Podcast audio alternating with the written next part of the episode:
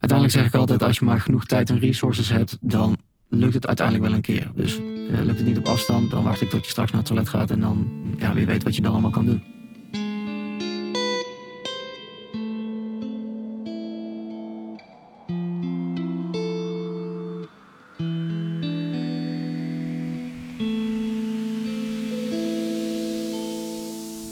Ik moet wat bekennen. Heel veel jaren geleden, in een zwak moment, stond ik op het punt om in de telefoon van mijn toenmalige en niet erg te vertrouwen geliefde te gluren. Goedemorgen, Lisbeth Rasker hier. Hij stond onder de douche en zijn telefoon lag op het nachtkastje, nog geen meter bij me vandaan. Zal ik? Dankjewel. Ik denk dat veel mensen dit wel eens hebben gedaan, of bijna hebben gedaan. Maar net toen ik mijn geweten aan de kant had gezet en van plan was toe te slaan, hoorde ik het water stoppen met lopen, de badkamerdeur opengaan en met een paar grote stappen stond hij weer in de kamer. Wat gelukkig een voortijdig einde aan die missie bracht. Maar stel je voor dat je ongezien iemands telefoon in zou kunnen, of iemands computer. Zou je dat dan doen? Ik denk dat er in de buitenwereld ook nog steeds plekken zijn om heel creatief heel veel hele toffe dingen met elkaar te maken. Maar hier ja, hebben we gewoon dan potentieel toestemming om op best wel spannende plekken te komen in de wereld. Mijn naam is Lisbeth Rasker. Dit is aflevering 5 van de podcast van de AIVD. Welkom bij De Dienst.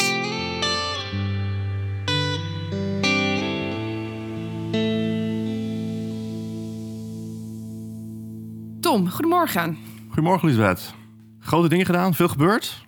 Zullen we even terugkijken op wat er allemaal gebeurd is en het even analyseren aan waar we heen gaan?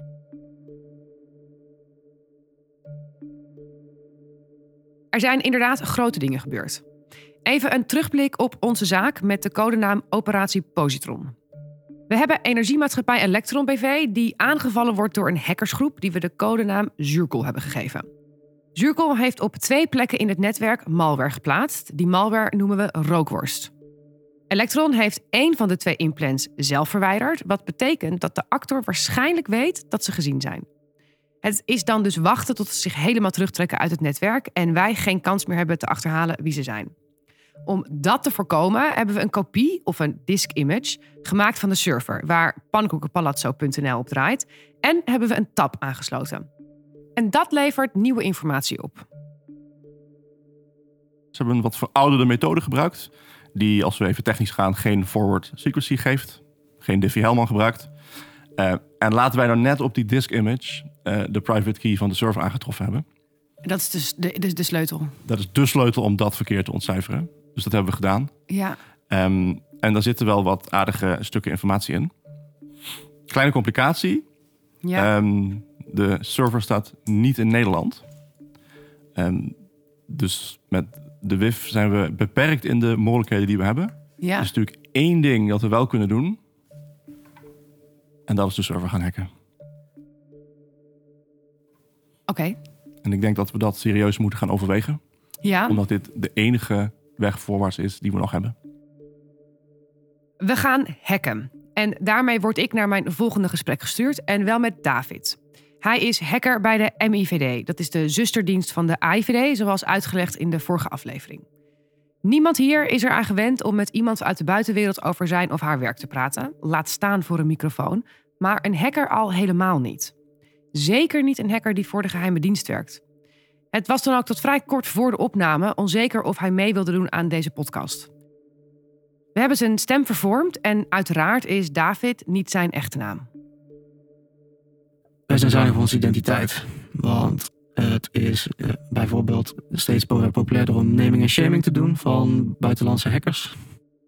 Het is ook wel uh, in het verleden gebeurd in de media dat uh, diverse landen mediaberichten de wereld in sturen waarin ze zeggen: kijk, deze hackers hebben ons geprobeerd te pakken. Hier zie je volledig met naam en, en toenaam en een foto. Oh. En dat heeft aardige consequenties, want het kan betekenen dat je misschien voor je familie risico's met zich meebrengt. Je reisbewegingen worden mogelijk beperkt. het is gewoon geen pretje. Ik ben operator bij de afdeling Computer Network Exploitation. Dus wat wij doen is hacken van de targets die wij opgedragen krijgen om te hacken. Je moet je voorstellen, als wij ons werk doen, dat zijn operaties die, die doen wij heimelijk. Ja. Die doen wij in opdracht van een inlichtingenteam. Dus een inlichting komt met een verzoek van eh, we willen graag informatie over een bepaald doel. En dat kan bij diverse targets zijn, eh, de slachtoffers, eh, om het maar zo te zeggen, die wij dan moeten gaan hacken om daar die informatie te verkrijgen.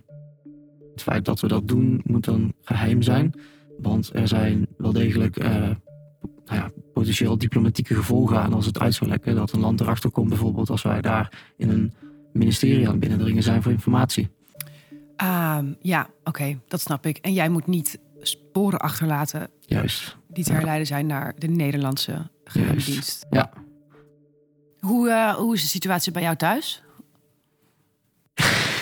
Alle details graag. alle details, alle details. Eh, ik heb systemen die ik graag wil beter beschermen in mijn thuisnetwerk dan eh, bijvoorbeeld mijn televisie. Mijn televisie boeit me niet zoveel. Eh, er zit ook geen microfoon en niks in, dus dat maakt me niet gek veel uit. Dus dat hangt in een ander stukje netwerksegment dan de rest. En zo heb ik allerlei scheidingen aangebracht. Verschillende wifi-netwerken om een en ander los te koppelen van elkaar. Ja, precies. Dus, dus jouw eh, bereidheid om gebruiksgemak in te leveren is natuurlijk een stuk groter dan de mijne. Ja, nee, want ik ben niet de enige in huis. dus ik moet ook rekening houden met eh, eh, andere gebruikers in het huisnetwerk. Dus het moet wel gebruiksvriendelijk zijn. Ja, dus Worden die, wel, worden die er wel eens gek van? ja.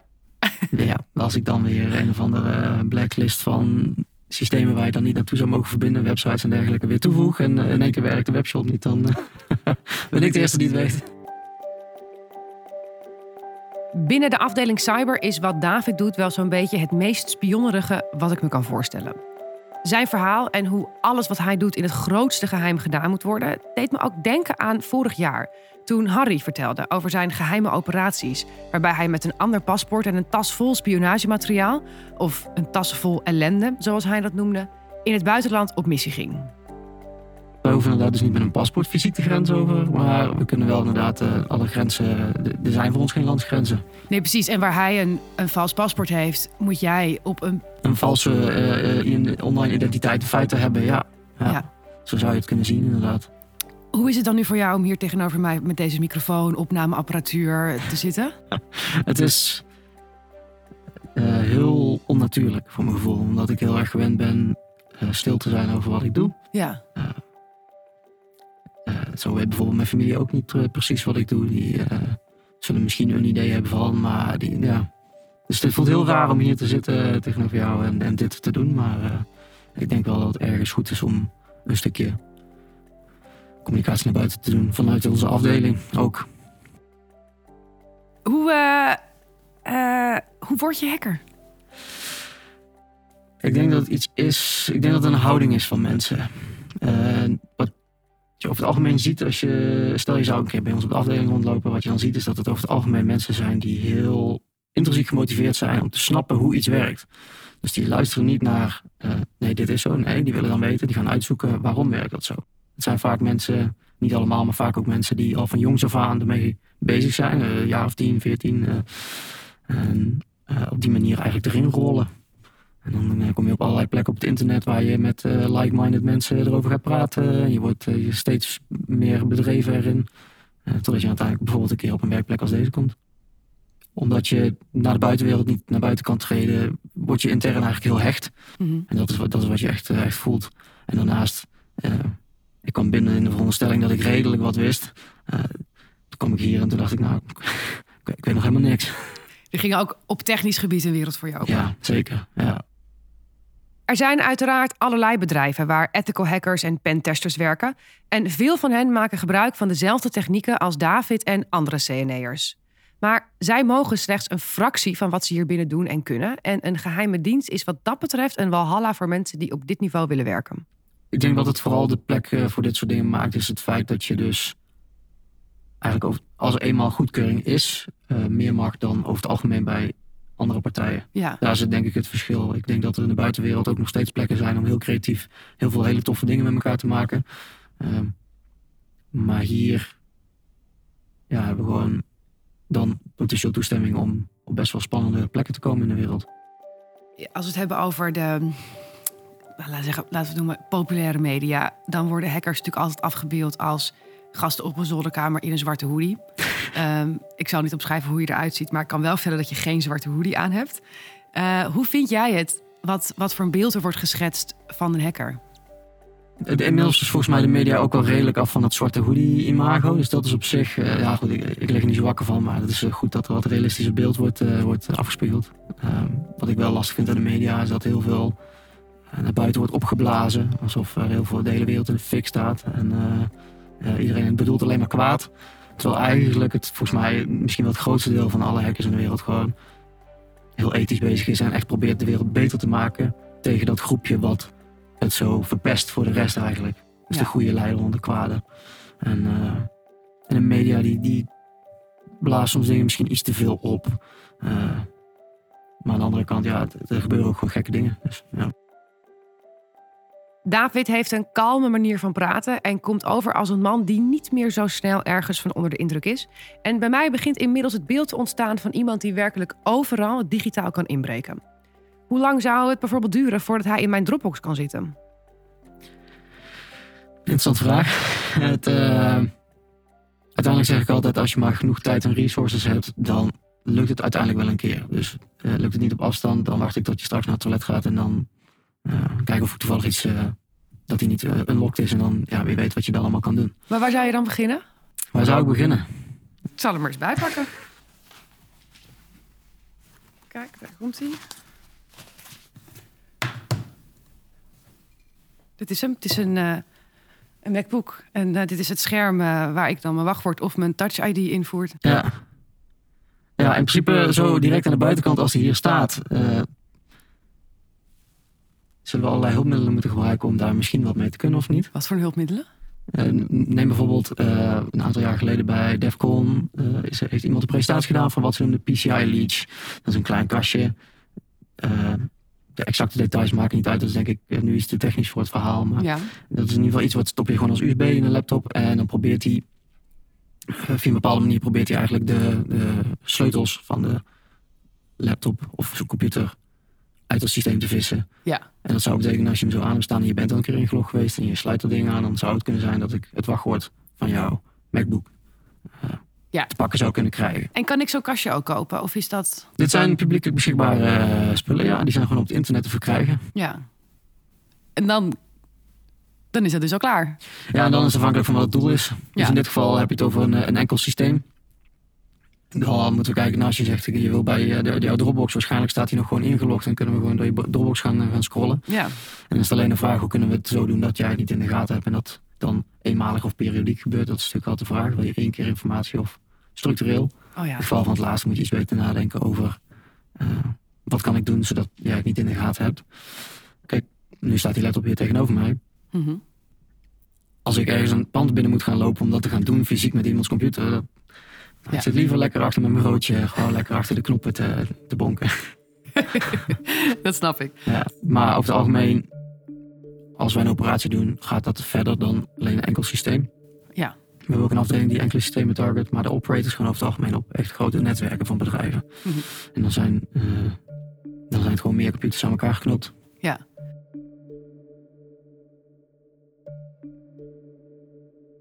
Uiteraard is mijn specifieke Dropbox over het algemeen niet de plek waar hackers van David's statuur veel te zoeken hebben. Maar toch wil ik graag weten wat ik nou kan doen om mezelf beter te beveiligen. Behalve mijn laptop niet achterlaten als ik een keertje naar de wc ga. Nou, dat is inderdaad dus een stukje waar laat je hem liggen. Hè? Eh, als je bij de Starbucks zit, de computer, laat je dan je computer daar staan als je even naar het toilet loopt of eh, neem je hem even mee. Ja. Anderzijds, eh, altijd nadenken waar vandaan haal je je software? Haal je het van de officiële vendor vandaan? Of denk je, nou, wat minder legale websites kunnen mij ook helpen? Of heb je antivirus software? Dat helpt toch altijd tegen de, de veel voorkomende, al bekende bedreiging. En heel eerlijk gezegd denk ik dat als iemand echt een gerichte aanval wil doen op jou, dan ga je het toch niet voorkomen. Een terugkerend geluid. Ellen zei het ook al. Als iemand echt je systeem in wil, dan lukt ze dat wel. Dan onze zaak. We willen de buitenlandse server hacken om erachter te komen waar die mee communiceert. En daarvoor kloppen we bij David aan. Wat kan hij voor ons betekenen in een onderzoek als dit? De, het begint altijd met de vraag: eh, wat wil je bereiken? Wat is het doel? Waarom moeten we dit gaan hacken? Eh hacken om te hacken doen we niet. In dit geval is het eh, informatie binnenhalen van die tweede C2-server. Dan willen we graag zoveel mogelijk informatie over dat systeem die al bekend is. Dus hebben we toevallig al gegevens die, dat we weten of we al kunnen verbinden ermee. Dat we ook al kunnen authenticeren met het systeem. Eh, wat voor software draait daar? Eh, we gaan natuurlijk zelf ook uh, enig onderzoek naar doen. en dan wachten we eigenlijk tot de artikel 45 last geschreven is, de, de last waaronder wij werken. En dat moet dan een A en een B zijn voor het binnendringen, een A voor het vooronderzoek. en dan gaan we aan de slag. net als dat spreekwoordelijke huis, we gaan rammelen aan de deuren. We gaan even kijken wat, wat rijdt er, wat is het aanvalsoppervlak. Dus we gaan scannen. We gaan in kaart brengen hoe beheren zij de, de server. En uh, wat kunnen wij uiteindelijk met de gegevens die we hebben en wat we aantreffen bij die server. En uh, de, de software die we hebben aangetroffen op het eerste niveau, die kunnen wij analyseren. Dus we gaan bij CNE gaan we dus de software gaan we reverse engineeren. We gaan kijken wat uh, andere afdelingen eventueel al met die software hebben gedaan. En dan gaan we kijken, kunnen we daar bijvoorbeeld eh, misbruik van maken van die software. Dus we gaan analyseren hoe, praat de, hoe praten de servers met elkaar. Kunnen wij patatje troep opsturen en dan crasht de server. Dus eigenlijk wat we ook wel fuzzen noemen. Dus we sturen gewoon allerlei input die kant op om te kijken waar gaat het stuk. En kunnen we analyseren waarop het stuk gegaan is. En wat betekent dat dan? Dus als ik heel veel aatjes die kant op stuur. En op een gegeven moment gaat het ding op zijn gat in de testopstelling. Uh, kan ik dan terug traceren waar is het stuk gegaan? En kan ik daar wat mee? Uh, kan ik invloed krijgen over de, de flow van het proces om uiteindelijk dus uiteindelijk mijn code uit te voeren. En kan ik dus iets in die aardjes stoppen wat uiteindelijk een payload is om uit te voeren. En als dat het geval blijkt, dan kunnen wij hopelijk de tools uitvoeren die we nodig hebben om uh, volledige toegang te hebben en de informatie binnen te halen die we nodig hebben. Is het een moeilijke, wordt het een moeilijke hack? In de praktijk valt wel te stellen dat als iemand een, uh, een server huurt op het internet, uh, het aanvalsoppervlak niet altijd groot is. Dus je zult heel goed je best moeten doen om, uh, om, om binnen te komen. Maar elke situatie is anders. Omdat het huren van een server dusdanig veel moeite kost en dusdanig anoniem is dat je nog meer ongezien kunt blijven? Is dat wat nee, wat ik bedoel te zeggen is dat over het algemeen de, Virtual Private Server, de, VPS, die gehuurd wordt door, uh, door, door diverse mensen. Standaard staat eigenlijk alleen het beheersprotocol SSH, de Secure Shell, open. Uh, en dus is er heel weinig aanwas op. Je hebt eigenlijk dan één pootje naar binnen, zeg maar. Uh, en dan moet je wel net dat pootje kunnen gebruiken om je werk te doen. Want dus de rest is gewoon zo dichtgezet. Ja. En dat draait ook niks, want het is gewoon een kale server. Dus het is net afhankelijk van wat dus de eigenaar erop gaat draaien. Gaat hij er een webserver op draaien? Heeft hij een of ander eigen pakketje geschreven? Die, de C2-server software bijvoorbeeld, die de standaard draait. Waar wij misschien wat mee kunnen. Uh, of de, het is dus net afhankelijk van wat doet de eigenaar met de server, wat ons potentieel meer aanvalsoppervlak geeft. Ja. Dan koppelen we dat soms nog terug naar het team. Van nou, we verwachten dat de kans van slagen klein, middelhoog is. Dan maken we een inschatting van wat is het laagste risico hebbende aanvalsmethodiek. Uh, als de voordeur open staat, dan ga ik natuurlijk niet een ruit aan de achterzijde van het huis inslaan. Dus dan ga ik gewoon kijken, is het goed om de voordeur te gebruiken. Uh, maak natuurlijk afwegingen van, oh, weten we wie de gebruikers zijn? Dus op welke momenten zijn die actief? Gaan we dan juist ook op dat moment verbinden of gaan we daar buiten verbinden? Dus moeten we onze werktijden verschuiven? Hoe moet onze infrastructuur eruit zien? Dat zijn allemaal zaken waar we dan zo mee gaan lopen puzzelen. Ja. En dan hopelijk, als we goed hebben geïnvesteerd op, dat, op die open deur, dan uh, zijn we eindelijk binnen. Ja. Is het ook wel eens gebeurd dat jij bijvoorbeeld wel dus gezien bent en dat je dat dan weet? Dat je dus weet, oh shit, we zijn, uh, we zijn erbij? Uiteraard doen wij ons best om ons werk zo heimelijk mogelijk te doen. Het kan zijn dat je een keer tegen de lamp loopt. Uh, ja, daar doe je dan niks aan. Soms heb je dat in de gaten. Soms staat, is je verbinding in één keer weg. Maar is het dan stress? Zit je dan uh, zweet achter je bureau? Of, uh... Als zoiets gebeurt, dan kan dat vrij stressvol zijn. Want je gaat gelijk je stappen terug traceren van... ligt dit aan mij? Mm -hmm. Is dit een tijdelijke hiccup wat hier nu gebeurt als mijn verbinding in één keer wegvalt? Het kan ook zomaar zijn dat er een keer ergens onderhoud werd gepleegd en dat er niks aan de hand is. Maar dan ben ik wel aan het stressen voor niks, zeg maar. Tot slot vraag ik David wat hij van een zaak als deze vindt. Het is een, uh, ik zou willen zeggen, een spannende zaak. Ja. Omdat het natuurlijk een klein beetje onduidelijk is wat nou de uiteindelijke intentie is uh, van de actor. Maar we wel een klein beetje durven te gokken misschien, voorzichtig. Ja, dat begint Eh, toch ernstig op sabotage te lijken. Nou, ja, eh, inderdaad. Ja. Dus eh, ja, wil je toch graag zicht op krijgen van wie is dit aan het doen en eh, zijn we de enige of niet?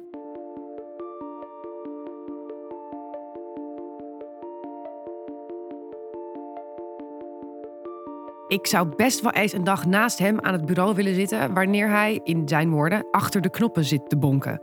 Maar helaas, dat deel van de dienst is ook voor mij verboden terrein. Hij gaat in ieder geval verder met de operationele kant van de case... en ik ga terug naar analist Anouk. Want ook al speelt alles zich af in computers... een hack van deze omvang heeft wel degelijk effecten op de buitenwereld. Wanneer wordt die ingelicht? En hoe doen we dat? toen we hoorden dat die malware aangepast was en dus een, ehm, op zoek ging naar SCADA, ICS-systemen, toen ging er bij ons wel een, een belletje rinkelen van hey, het lijkt erop alsof het spionageoogmerk van die malware die we eerder hebben gezien omgeslagen is in sabotageoogmerk. Ja. Ehm, dat moet de buitenwereld wel weten. Ja. Althans, onze Haagse partners. Zaken als dit worden niet via een mailtje even naar Den Haag gestuurd.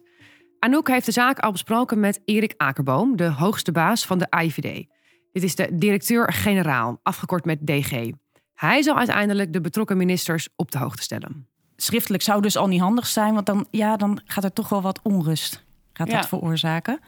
Ehm, dus het is ook heel belangrijk dat we dit warm overdragen, goede uitleg erbij geven en dat we een hele goeie, heel goed onderscheid maken tussen wat weten we, wat weten we zeker, hè, wat hebben we uit de inlichtingen gehaald en hoe duiden we dat. Ja.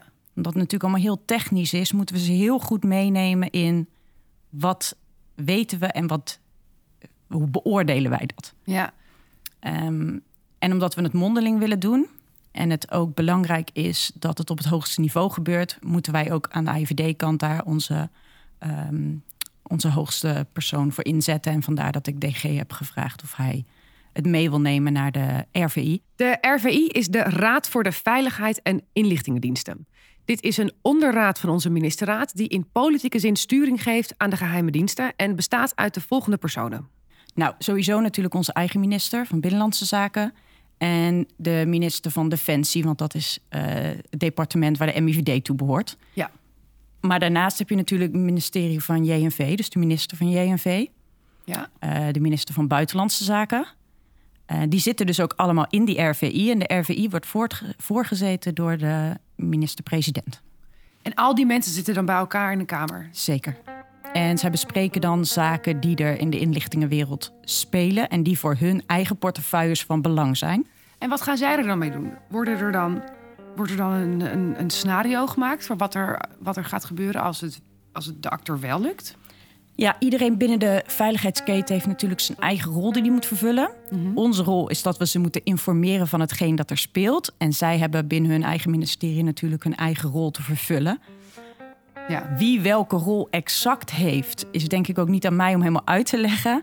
Eh, maar de NCTV zal waarschijnlijk wel iets van scenario's gaan opstellen.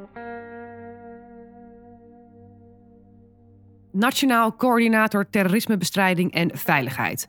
Ofwel NCTV. Zij spelen een belangrijke rol. Dit is een instantie die samen met partners binnen overheid, wetenschap en bedrijfsleven ervoor zorgt dat de Nederlandse vitale infrastructuur veilig is en blijft. Dan, Anouk begint met het schrijven van een inlichtingenbericht en weegt goed af wat daar wel en niet in wordt verteld. Wat ik er wel uitlaat en waar best wel eens discussie over bestaat, is Electron BV. Oh. Ik zal die niet noemen in mijn inlichtingenbericht. Dat is namelijk best wel naming en shaming. En dat is onnodig in dit Maar- geval. Het lijkt me juist heel nodig. Waarom? Waarom vind je het nodig? Je moet toch vertellen wat er aan de hand is? Eh, als in, het gaat toch om dat Electron BV mogelijk uit kan vallen... en dat alle mensen die daarop aangesloten zitten... daar dus problemen van gaan hebben? Of, Het kan eigenlijk lezers triggeren om acties te ondernemen die we niet wenselijk vinden. Zo zou een lezer bijvoorbeeld kunnen denken: ik ga er naartoe. Want wij van dit, ons ministerie zijn verantwoordelijk voor wat dan ook. En in dat kader willen wij toch wel graag even met het slachtoffer zelf gaan praten. ja. Ze zijn al slachtoffer. En eigenlijk door hun naam te noemen worden ze nog meer geslachtofferd. Omdat dit wel iets zou kunnen doen ehm, met hun aandelen. Dit is een beursgenoteerd bedrijf. Dan kunnen dingen toch een soort van. ehm, ja, uitlekken is misschien niet zo'n mooi woord. Maar het kan wel breder bekend worden dan wenselijk Ja. is. Het is voor hoogambtelijk en ministerieel niveau van belang om dit te weten, zodat zij hun eigen rol ook Ja. kunnen vervullen. Maar zij hoeven niet per se te weten welk bedrijf het precies is. Want het kan bij Electron BV gebeuren, of daar hebben wij het nu gezien. Maar wie zegt dat ze niet ook al ergens anders binnen zitten? Oh ja. Oh ja, dat had ik nou echt nooit bedacht. Ik dacht dat, dat het daarmee zou beginnen. Bijna dat je zou zeggen, we hebben iets gevonden bij Electron BV. Maar juist niet dus. Stel, de minister van Buitenlandse Zaken hoort dit op, eh, op maandag... en eh, heeft een vermoeden uit welke richting dit komt... en heeft op dinsdag een afspraak met de ambassadeur van dat land. Wat, hoe, hoe werkt dat? Nou, hij, hij kan hier niks over zeggen. Nee. Hij zal hier ook niks over zeggen. Maar eh, in het achterhoofd kan het natuurlijk wel meegenomen worden. Ja, Je bent natuurlijk wel extra alert en voorzichtig misschien in een dergelijk gesprek. Wij zullen ook in het inlichtingenbericht schrijven dat Electron BV, of tenminste de energieleverancier, ons heeft aangegeven de malware inmiddels uit het systeem eh, verwijderd te hebben. Dus dat zijn dan de feiten die we erin zullen schrijven, dat wat we gehoord hebben. ja. Dat kunnen we zelfs ook geverifieerd hebben, of dat klopt. Maar onze duiding kan dan zijn, ondanks dat ze aangeven dat ze de, de actor uit hun systeem gewerkt, eh, verwijderd hebben, betekent niet dat de actor er niet meer in zit. Nee. Zelfs als ze nu helemaal uit het systeem zouden zijn, dan nog is er een redelijke kans dat ze weer terug gaan komen en opnieuw in het systeem proberen te komen. En wat we natuurlijk ook moeten doen, is de sector op de hoogte brengen. Ik denk niet dat de statelijke actor per se deze energieleverancier heeft willen raken. Hij heeft bij deze partij een ingang gevonden om binnen te komen. Maar het had misschien ook een andere eh, partij kunnen zijn. Ja. En om Nederland veilig te houden, willen we eigenlijk dat ze niet binnenkomen bij de anderen.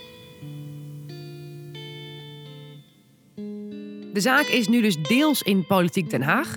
En ik ga terug naar Tom. Lisbeth, wat vond je ervan? En heb je je eigen zwarte hoodie al besteld? nou, bijna wel eigenlijk, moet ik zeggen. Ik vond het wel vet. Cool. Kan jij dat ook? Hacken. Niet op het niveau waarop hij het kan. Nee, absoluut niet. Maar ik ga niet ontkennen dat ik niet die interesse ook heb. En daar ook wel stiekem soms thuis een beetje oefen.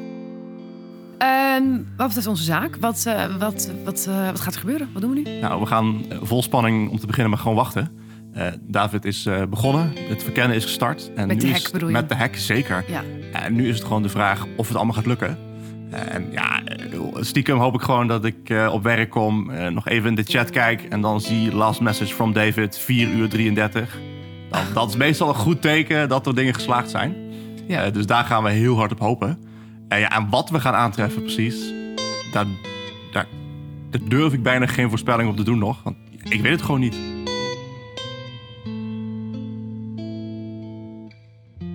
Oké, we hebben David die de server probeert te hacken. Meerdere ministers houden de case nu rechtstreeks in de gaten via de hoogste baas van de AIVD. En ook al zei Tom dat het attribueren het moeilijkste is in zijn werk, ik voel dat we dichterbij komen. In de volgende en laatste aflevering. Wat komt er uit de hack? En wat dan? Voor wie meedoet met ons onderzoek heeft Tom vandaag een heel bijzondere challenge. Als je zelf wil laten zien hoe goed je bent en of je het niveau hebt om bij de IVD te komen hacken, kijk dan vooral even op operatiepositron.nl, want daar kun jij ook inbreken in deze server. Veel succes. Dit was de vijfde aflevering van De Dienst, een podcast van de AIVD. Gepresenteerd door mij, Liesbeth Rasker, en geproduceerd door het podcastkantoor in samenwerking met Werkmerk. Abonneer je nu, zodat je niets van dit nieuwe onderzoek hoeft te missen. En laat ons vooral weten wat je van deze serie vindt in een recensie in je favoriete podcast-app.